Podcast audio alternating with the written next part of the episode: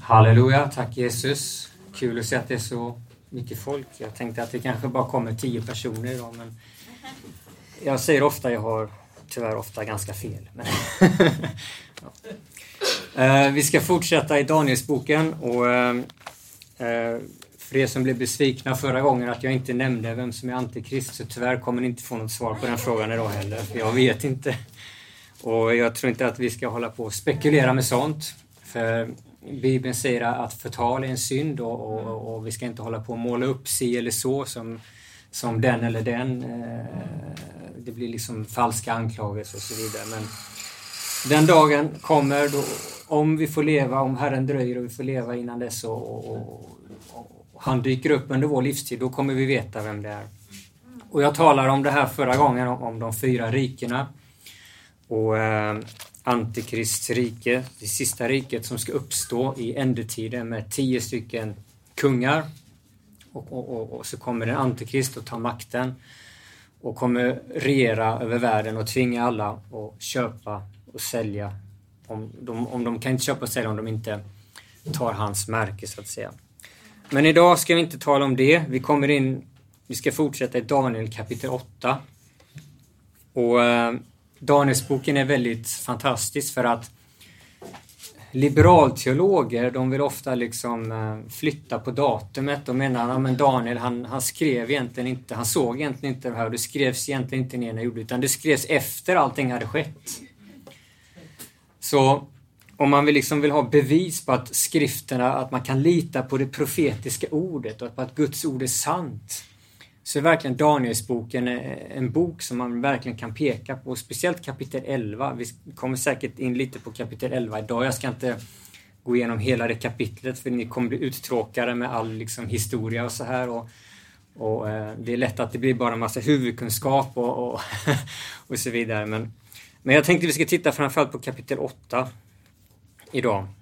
Så står det så här, kapitel 8, vers 1. Vi går igenom det här vers för vers. Alltså, vår syster Camilla hade önskat vi ska gå igenom vers för vers. Så då gör vi det. Under kung Belshazzars tredje regeringsår hade jag, Daniel, en syn efter den jag först hade sett. Okej, okay, så här ser vi att det var kung Belshazzars regeringsår. Då är vi alltså fortfarande, om ni kommer ihåg förra gången vi pratade om de olika rikena, att Daniel han levde i, i Babylonien. Och Belshazzar var den siste kungen i Babylonien före det persiska väldet kom och, och, och tog över makten. Och, och det, vi säger att det, att det här är den andra synen han haft. Redan den första synen, det var den vi gick igenom, om de fyra rikena som skulle komma. Babyloniska riket, det pers, mediepersiska väldet, det grekiska riket och sen skulle romarriket komma. Och sen skulle det femte riket komma, Gudsriket, alltså Jesus, Messias, skulle komma under romarrikets tid och så skulle, det så skulle Guds rike bli etablerat på jorden. Men så såg vi, så såg vi också att i ändetiden så kommer det komma ett sista rike som är Antikristrike. Och, och när Jesus kommer tillbaka så ska han krossa Antikrists makt eh, och, och, och, bringa dom på jorden och, och regera här i, i tusen år. Så det här är den andra synen. Så det är viktigt att när vi läser, när vi läser Bibeln att, att vi liksom läser hela synen i sig inte blandar ihop dem till olika syner och de handlar... De går in lite i varandra vad de handlar om. Vi ska se detta. Och i min syn såg jag mig själv i Susa, den befästa staden i provinsen Elam och i min syn såg jag mig själv stå vid floden Ulai. Okej, okay, så Daniel han, han, han är inte på den platsen. Han ser sig själv i Susa. Det, det, ligger mellan, det ligger ungefär vid Iran, ganska nära gränsen till Irak. Så det är där han befinner sig. Och så ser han floden Ulai och vilken, flod, och vilken flod det är, det, det tvistar de lärde om så det ska jag inte gå in på. Det Det är en flod där någonstans i alla fall. Vers 3. Och när jag såg mig omkring fick jag se en bagge med två horn stå vid flodstranden. Hornen var långa, men den ena var längre än den andra. Okej, okay. så den här baggen, det går tillbaka lite till, till det vi såg i kapitel 7 det, det representerar det medopersiska riket som skulle komma efter det babyloniska riket. Och att den hade två horn, det är just att det är Medien och Persien. Det ena hornet var längre än det andra. Persiska väldet var mycket större och det mediska riket var lite mindre. Och, eh, och den här då, den här baggen vi ser här i vers 4. Jag såg baggen stånga mot väster, norr och öster. Inget djur kunde stå emot den och ingen kunde rädda något ur dess våld. Och den gjorde vad den ville och, jag blev, och den blev mycket mäktig. Så det persiska riket, det var, det var alltså nu här vid Susa och så såg så så Daniel hur det gick västerut, norrut, uppåt och så gick det söderut. Det gick i alla de riktningarna och det erövrade hela vägen faktiskt, hela, hela vägen till Tur Turkiet, till gränsen vid Turkiet. Så mäktigt blev det persiska, det medelpersiska riket. Och det var liksom inget annat djur, står där, kunde stå emot, alltså ingen annan nation kunde stå emot det här riket. för det var så kraftigt och det var så mäktigt, man hade så stor armé. Så att ingen kunde stå emot utan det bara välde fram liksom. Och sen ser vi då vers 5. Medan jag funderar över detta dök plötsligt en bock upp från väster. Den for fram över hela jorden utan att vidröra marken och den hade ett stort horn i pannan. Så här kommer ett annat rike helt plötsligt. Från väster. Och vad, vad ligger västerut? Jo, det är Grekland, eller hur? Och vi såg detta i kapitel 7. Babylonska riket, sen kom det Medopersiska riket och sen kom det grekiska imperiet under Alexander den store. Och den här bocken då som kommer från, från väster, den for fram med väldigt stor kraft. Och det är ganska intressant när man, när man, när man tittar på dokumentärer och så här om det här så så, så det grekiska imperiet, de for fram under tio års period. Alltså de, de, var, de hade sån kraft de var så mäktiga. Trots att de var, hade mindre arméer än vad det persiska riket hade så for de fram en våldsam kraft.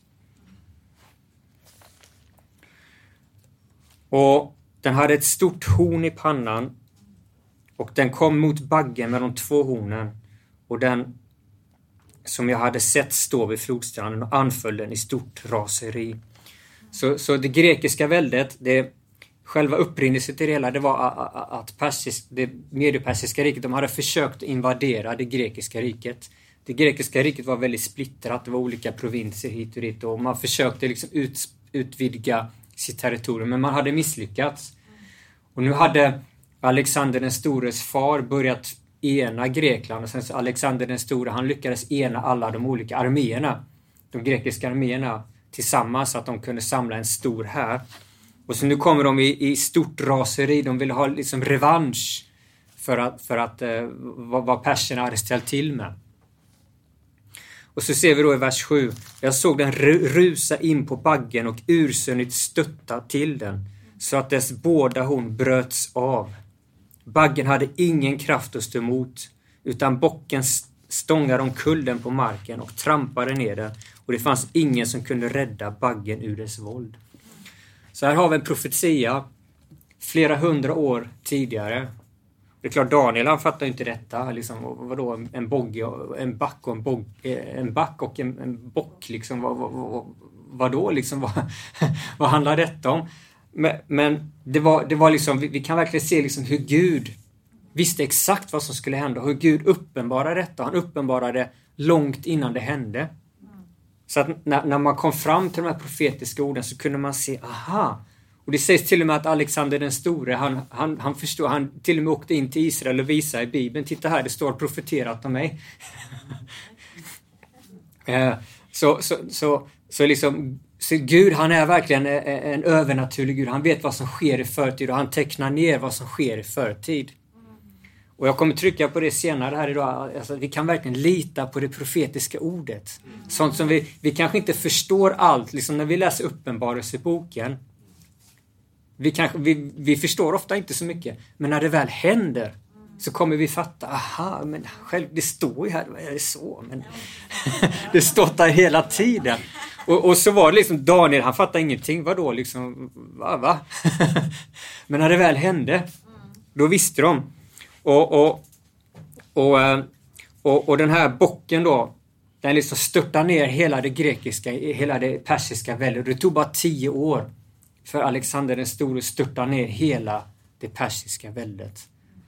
Och det intressanta är att det persiska väldet, de hade, jag är ingen expert på historia, men, men jag läste lite i alla fall att de hade, det var, först var det ett slag som var på gränsen där någonstans, som var närheten av den turkiska gränsen mot Grekland. Och där hade grekiska armén 40 000 i sin armé och det persiska väldet hade runt 80 000. Och sen så Alexander vann ju striden så han, han kallas den store. Jag vet inte om han är så stor i Guds ögon men, men vi, vi använder de här titlarna så vi förstår vad vi pratar om. Och sen insatsen fortsatte. Han, han ryckte fram, det står här väldigt raseri och ingen kunde stå emot. Han ryckte fram genom hela provinsen. Och så hade han ett slutligt slag med kung Xerxes. Ahasveros som han också heter, eller, eller eh, Sirius står det i vissa. Det är alltså eh, den, den, största av de, de persiska kungarna. Och då hade Xerxes runt 100 000 i sin armé och Alexander hade tappat lite så hans armé var ännu svagare. Men Alexander vann den och så ryckte han upp hela riket. Och så tog han över hela den persiska väldet, ända fram till den indiska gränsen. Allt detta tog han över på tio år. Så stark var bocken. Och det var profeterat här, det står i vers 8. Bocken blev oerhört mäktig. Han tog över alltihopa, han blev oerhört mäktig. Så läser vi här. Men när den stod på höjden av sin makt bröts det stora hornet av. Och det är exakt vad som hände när Alexander den store var 31 år gammal. Han hade, han hade rest, han hade tagit över hela det persiska väldet. Så åkte han tillbaka, eh, för hans arméer de började tröttna på hans krig och allt och de ville hem. Liksom. Så han, de började åka tillbaka och när han kom till en stad som hette Babylon, som var lite huvudstad, så dog han. Då fick han feber och han blev dödssjuk och dog. Och det var vi läste här. När han stod på höjden av sin makt bröts det stora hornet av. Och så fortsätter vers 8. Och istället växte det fram fyra framstående hot mot, mot himmelens fyra väderstreck. Vad som hände var att Alexander hade inga barn, ingen arvinge. Utan han sa så här, när han låg på sin dödsbädd, så sa han så här, de frågade vem ska ta över riket? Och så sa han, låt den starke ta över, sa han. Så vad som hände var att det blev massa olika inbördeskrig och, och massa konflikter i det grekiska imperiet. Och, och till slut så formades det fyra riken, det står här. Att det växte fram fyra framstående horn mot himlens fyra väderstreck. Så det växte fram fyra olika riken. Jag kommer inte ihåg det. Egypten, Selusien, eh, Makedonien och eh, den sista kommer jag inte ihåg namnet på. Men den sista delades i två också. Eh, men det var fyra olika dynastier som, som fick ta över makten. Så här har vi igen liksom, flera hundra år tidigare så såg Daniel exakt vad som skulle hända. Och vi har våra historieböcker. Vi kan bara gå in på Google liksom och, och slå upp att Alexander den stores rike delades i fyra. Så det är fascinerande, vet du. Otroligt fascinerande. Och vers 9. Från ett av dem kom ytterligare ett horn. Som först var litet men växte mot söder. Okej, okay. så, så nu har det delats upp i fyra olika horn, fyra olika riken. Och från ett av dessa riken så kom det ett nytt torn. Det här talar om, om det selusiska riket som låg eh, eh, ungefär, babyloniska riket låg från Syrien uppåt och sen österut. Så att säga. Det är den större, större markdelen som var kvar av Alexanders rike. Då. Som först var litet men växte starkt mot söder, öster och mot det härliga landet. Så att det, det växte sig ännu starkare. Och så växte det ju mot Israel då, mot det härliga landet. För nu kommer, jag sa det sist att det profetiska är alltid riktat mot Israel. Och vi kommer se här nu hur det här är riktat mot Israel och vad som kommer hända nu i historien. Vers 10. Det växte upp till, växte upp till himlens härskara och kastade några av denna här och några stjärnor ner till jorden och trampade ner den. Och det nådde till och med upp till Herrens första och tog bort från honom det dagliga offret och skändade helgedomen. Okej, okay. vad handlar det här om? Jo, det handlar om att, om att vad som hände här, det var att två av de här rikena hamnade i krig. Det egyptiska riket och det selusiska riket, de hamnade i krig med varandra. Och, och det selusiska riket, de, de var arga och sura för att de förlorade, så att de invaderade Israel. Och de skändlade det dagliga offret och helgedomen. Det är exakt det som hände.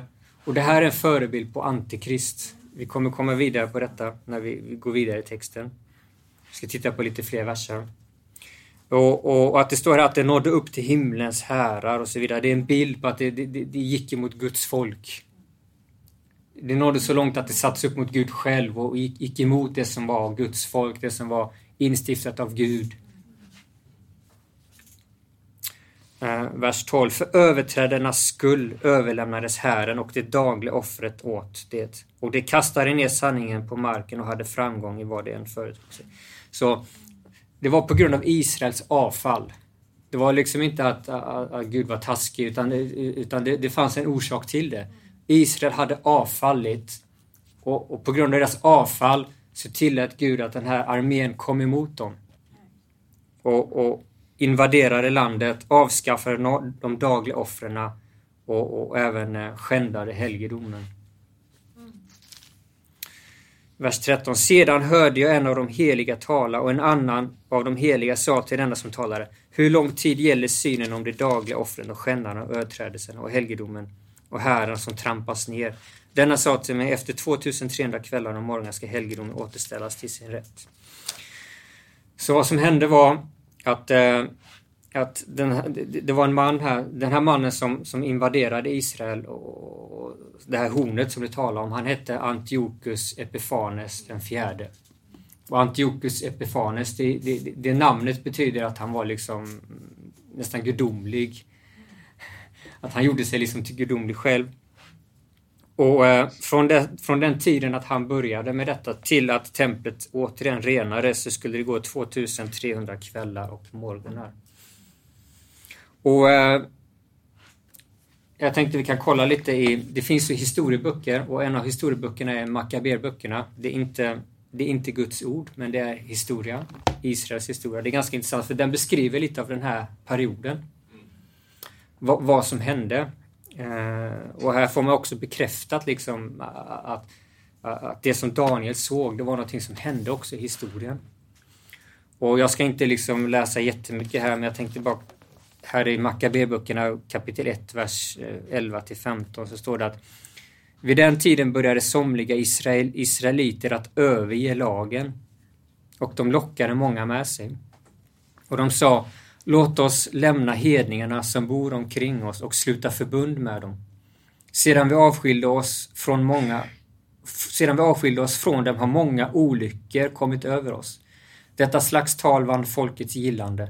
Några av dem reste sig på eget initiativ till kungen och han gav dem rätt att följa hednisk lag och sed. Sedan byggde de en idrottsanläggning i Jerusalem enligt hedningarnas bruk. De skaffade sig förhud och avfall från det heliga förbundet. De beblandade sig med hedningarna och sålde sig till att göra det onda. Så det här var orsaken till varför detta hände. De övergav förbundet med Gud. De slutade omskära sig, vilket var förbundstecknet. De hade tagit in idrottsanläggningar. Det står i, i Mose lag att man fick inte ta in de hedniska sederna. Eh, de hade börjat överge lagen i allmänhet. De hade eh, börjat liksom eh, på olika sätt förarga liksom förarga förbundet som de hade med Gud. Och på grund av detta då så, så hände detta. Så jag ska inte läsa vidare här, men det, det står liksom hela historien här om hur Antiochus kommer och förgriper sig på, te, på, på, på templet. Och, och han förbjöd, bland annat vad som hände var att han, han eh, det förbjöds till exempel att judarna fick inte hålla sina högtider. De fick inte fira sin sabbat. Och det här är liksom sådana grejer som var för det judiska folket. Och massa sådana grejer. Det förbjöds helt enkelt. Och den här Antiochus också, han, han till och med skändade hela templet. Han, han satte upp en, en bild på en grekisk gud i templet. Och så offrade han gris utanför templet. Och ni vet att judar får ju inte äta gris. Så det här var ju total härdelse liksom. Det var liksom verkligen en förebild på den kommande Antikrist. Som vi kan se här står profeterat i Danielsboken.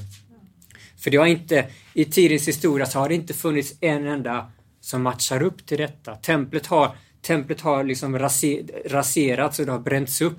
Men från Antiochus Epifanes så ingen har suttit i templet och gjort sig själv till Gud. På det här sättet. Och det här liksom, det som är förebildat här, det är en förebild på den kommande antikrist som kommer. Det står att han ska sätta sig själv i templet och göra sig själv till Gud. Han ska försöka ändra på lagar och dagar och så vidare.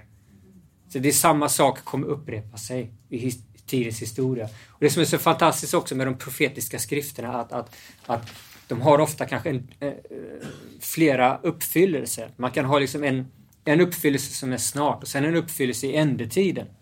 Och det ser vi mycket i Danielsboken, liksom hur, hur vi ser förebilderna, vi såg hur det ska komma en antikrist. Och sen ser vi hela profetian om Antiochus som hände eh, ungefär 150 år före Jesus kom. Och sen så ser vi att samma sak kommer hända igen. Det kommer att, en del menar att det kanske är Antiochus som kommer återuppstå, en del menar att det kanske är Nero som återuppstår. Eller, men hur som helst, det är i alla fall en förebild på vad som ska hända. En man som kommer komma, som kommer gå emot Guds folk, som i det nya förbundet är både judar och hedningar tillsammans. Och han kommer, han kommer återigen att skända templet. På samma sätt kanske som här. Så vi fortsätter läsa i Daniel här kapitel 8, vers 15.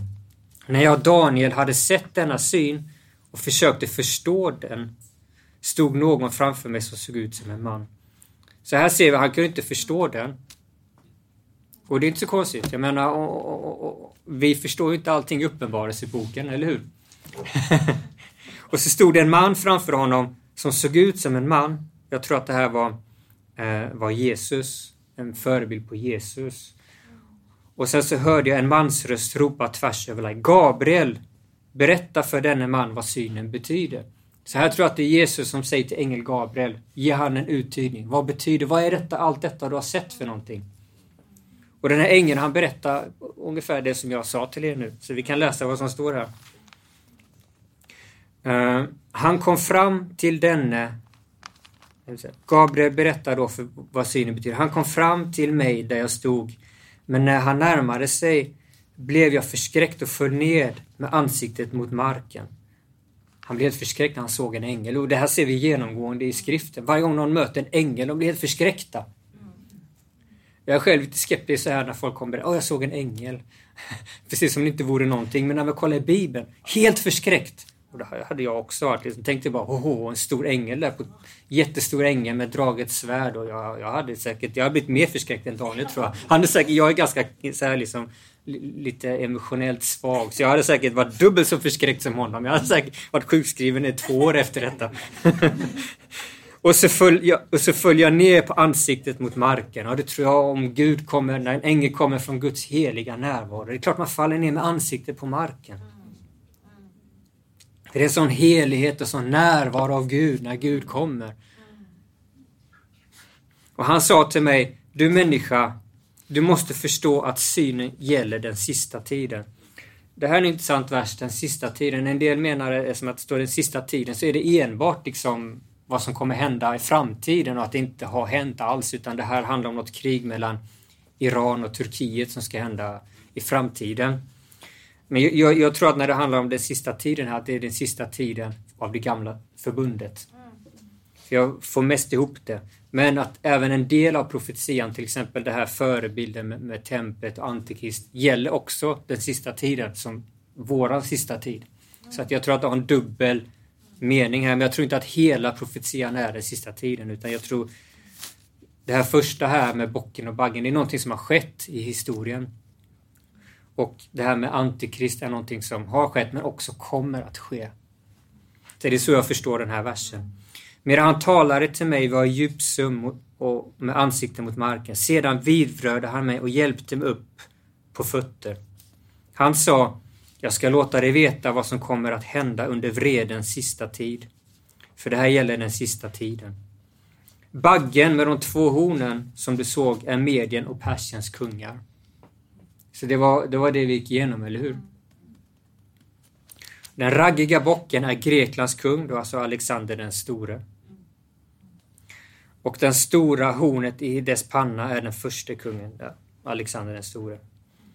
Att detta bröts av, av fyra andra och växte fram i dess ställe betyder att fyra riken ska uppstå i hans folk. Det var det vi gick igenom. Det uppstod fyra riken eller fyra dynastier.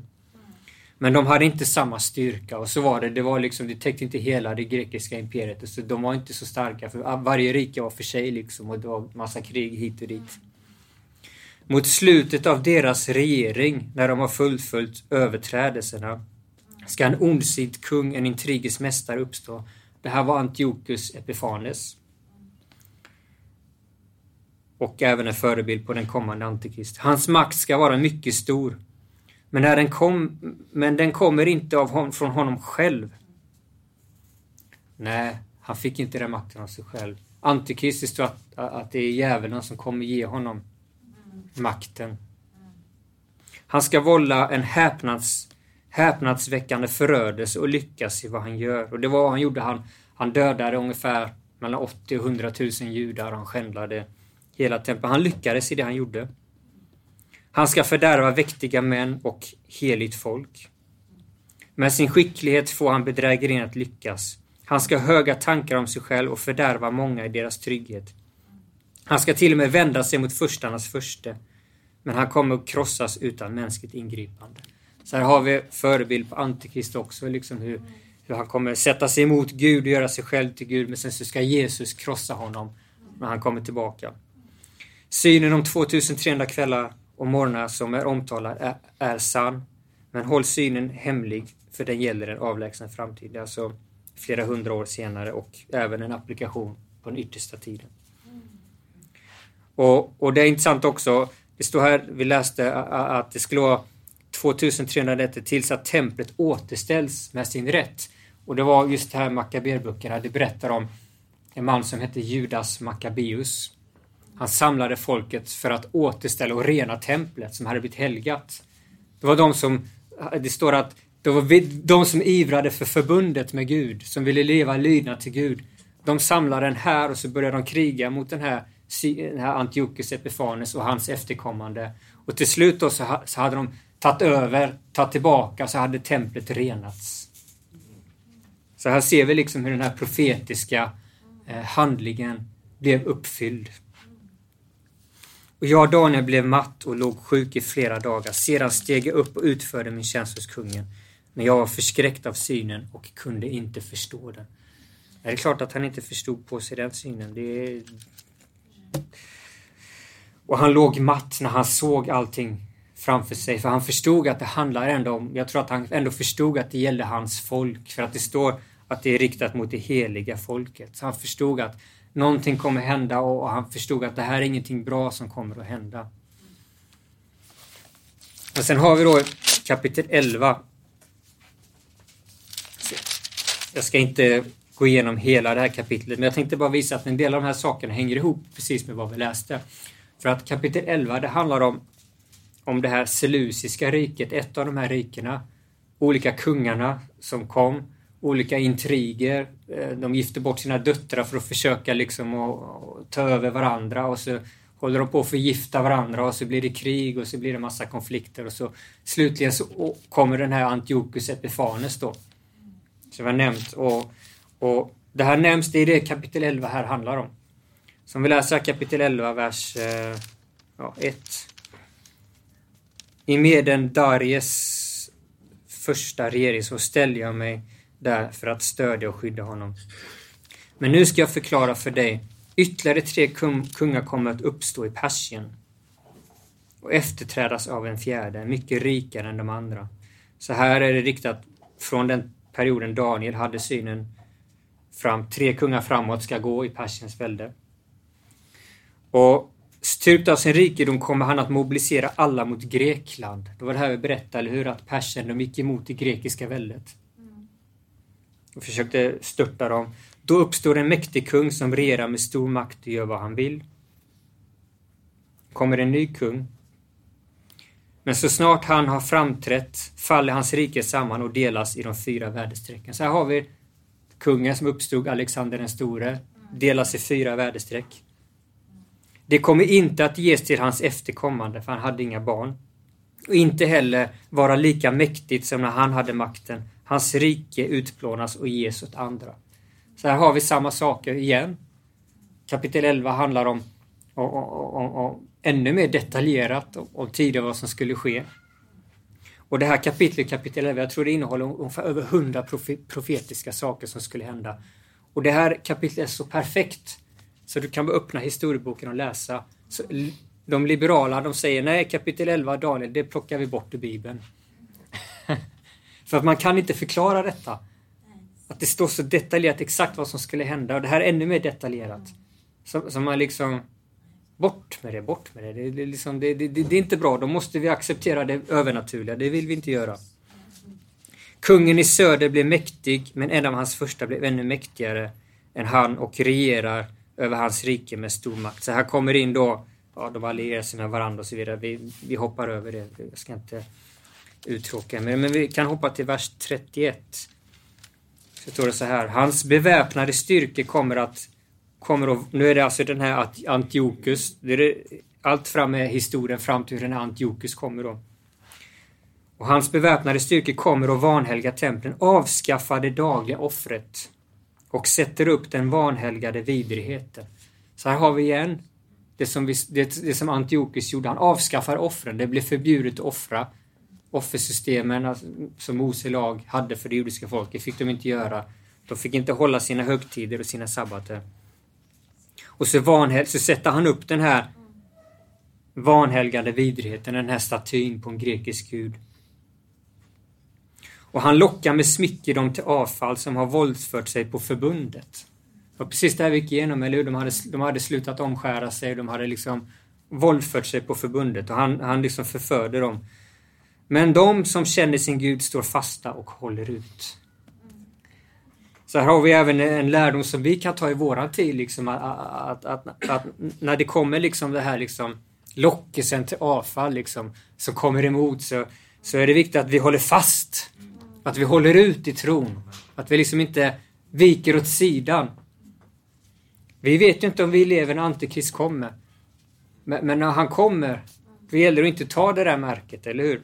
Men även i våran tid, liksom, när, när det går strömmar liksom, som vi lockar till avfall, att man liksom inte viker av. Utan man håller fast. Håller fast vid, vid Jesus Kristus. Och vid hans undervisning, eller hur? Och vid Guds ord. Vers 33. De insiktsfulla ska undervisa många, men ändå under en tid falla för svärd och eld, bli fängslade och utsatta för plundring. När de faller får de en viss hjälp och många hycklare sluter sig till dem. En del av de insiktsfulla kommer att falla för att det ska förädlas, renas och luttras in till den sista tiden. För den bestämda tiden är ännu inte. Och sen i vers 36. Kungen kommer att göra som han vill, upphöja sig själv, sätta sig själv över varje gud och tala oerhörda ting mot gudars gud. Han lyckas fram till att vredens tid är ute. För det som måste, det, det som är bestämt måste ske. Han visar ingen aktning för sina förfäders gudar, inte heller för den gud som, kvin som kvinnor älskar eller någon annan gud, utan upphöjer sig själv över dem allesammans. Så här ser vi återigen den här Antiochus Epifanes, men också en, eh, eh, en bild på liksom den sista antikrist som ska komma. Så allt det här är väldigt profetiskt bok och jag tänkte avsluta med, med e, e, ett ord i, i andra Petrusbrevet. Då står det så här. Andra Petrus kapitel 1. Som är en, en, en lärdom för oss. Andra Petrus kapitel 1, vers 19 till 21 står det så här. Så mycket står nog det profetiska budskapet för oss. Och ni gör väl om ni håller er till det. Som till ett ljus som lyser på en mörk plats tills morgonstjärnan går upp i era hjärtan. Men framförallt ska ni veta att ingen profetia i skriften har kommit, har, har, har kunnat läggas ut av profeten själv. Ingen profetia har ju kommit till av mänsklig vilja utan den helige Ande har drivit människor till att, till att tala vad de har fått av Gud. Så här står det att vi ska hålla fast vid det profetiska budskapet för oss. Det finns ett profetiskt budskap till oss som vi har i skriften som ännu inte har skett. Men även de som har skett, vi håller fast vid de sakerna. För att det står här också att prof profetia, det är ingenting liksom som någon människa kommer med, utan det är övernaturliga uppenbarelser ifrån Gud. Det är liksom inte egna tankar eller egna åsikter eller egna filosofier, utan det är den heliga Ande som har gett detta till profeterna. Som har uppenbarat det och han uppenbarade det på olika sätt. Daniel hade det i syner. Och en del, hade, en del fick budskapet direkt och bara talade det Gud sa. Och det profetiska kommer och går i fullbordan. Alltihopa. Och vi har sett liksom hur, hur, hur det som Daniel fick till sig, det blev uppfyllt för honom. Det har blivit uppfyllt i vår tid. Eller det har blivit uppfyllt några hundra år senare och vi i vår tid kan veta att det har blivit uppfyllt. Så därför så kan vi också vara så säkra på att allt som står skrivet kommer att ske. Jesus kommer komma tillbaka. Det kommer komma en antikrist och det kommer komma en slutgiltig dom. Ny himmel och ny jord. Allt det här profetiska kommer att ske. Så det finns ingen anledning till att tvivla på det. Amen.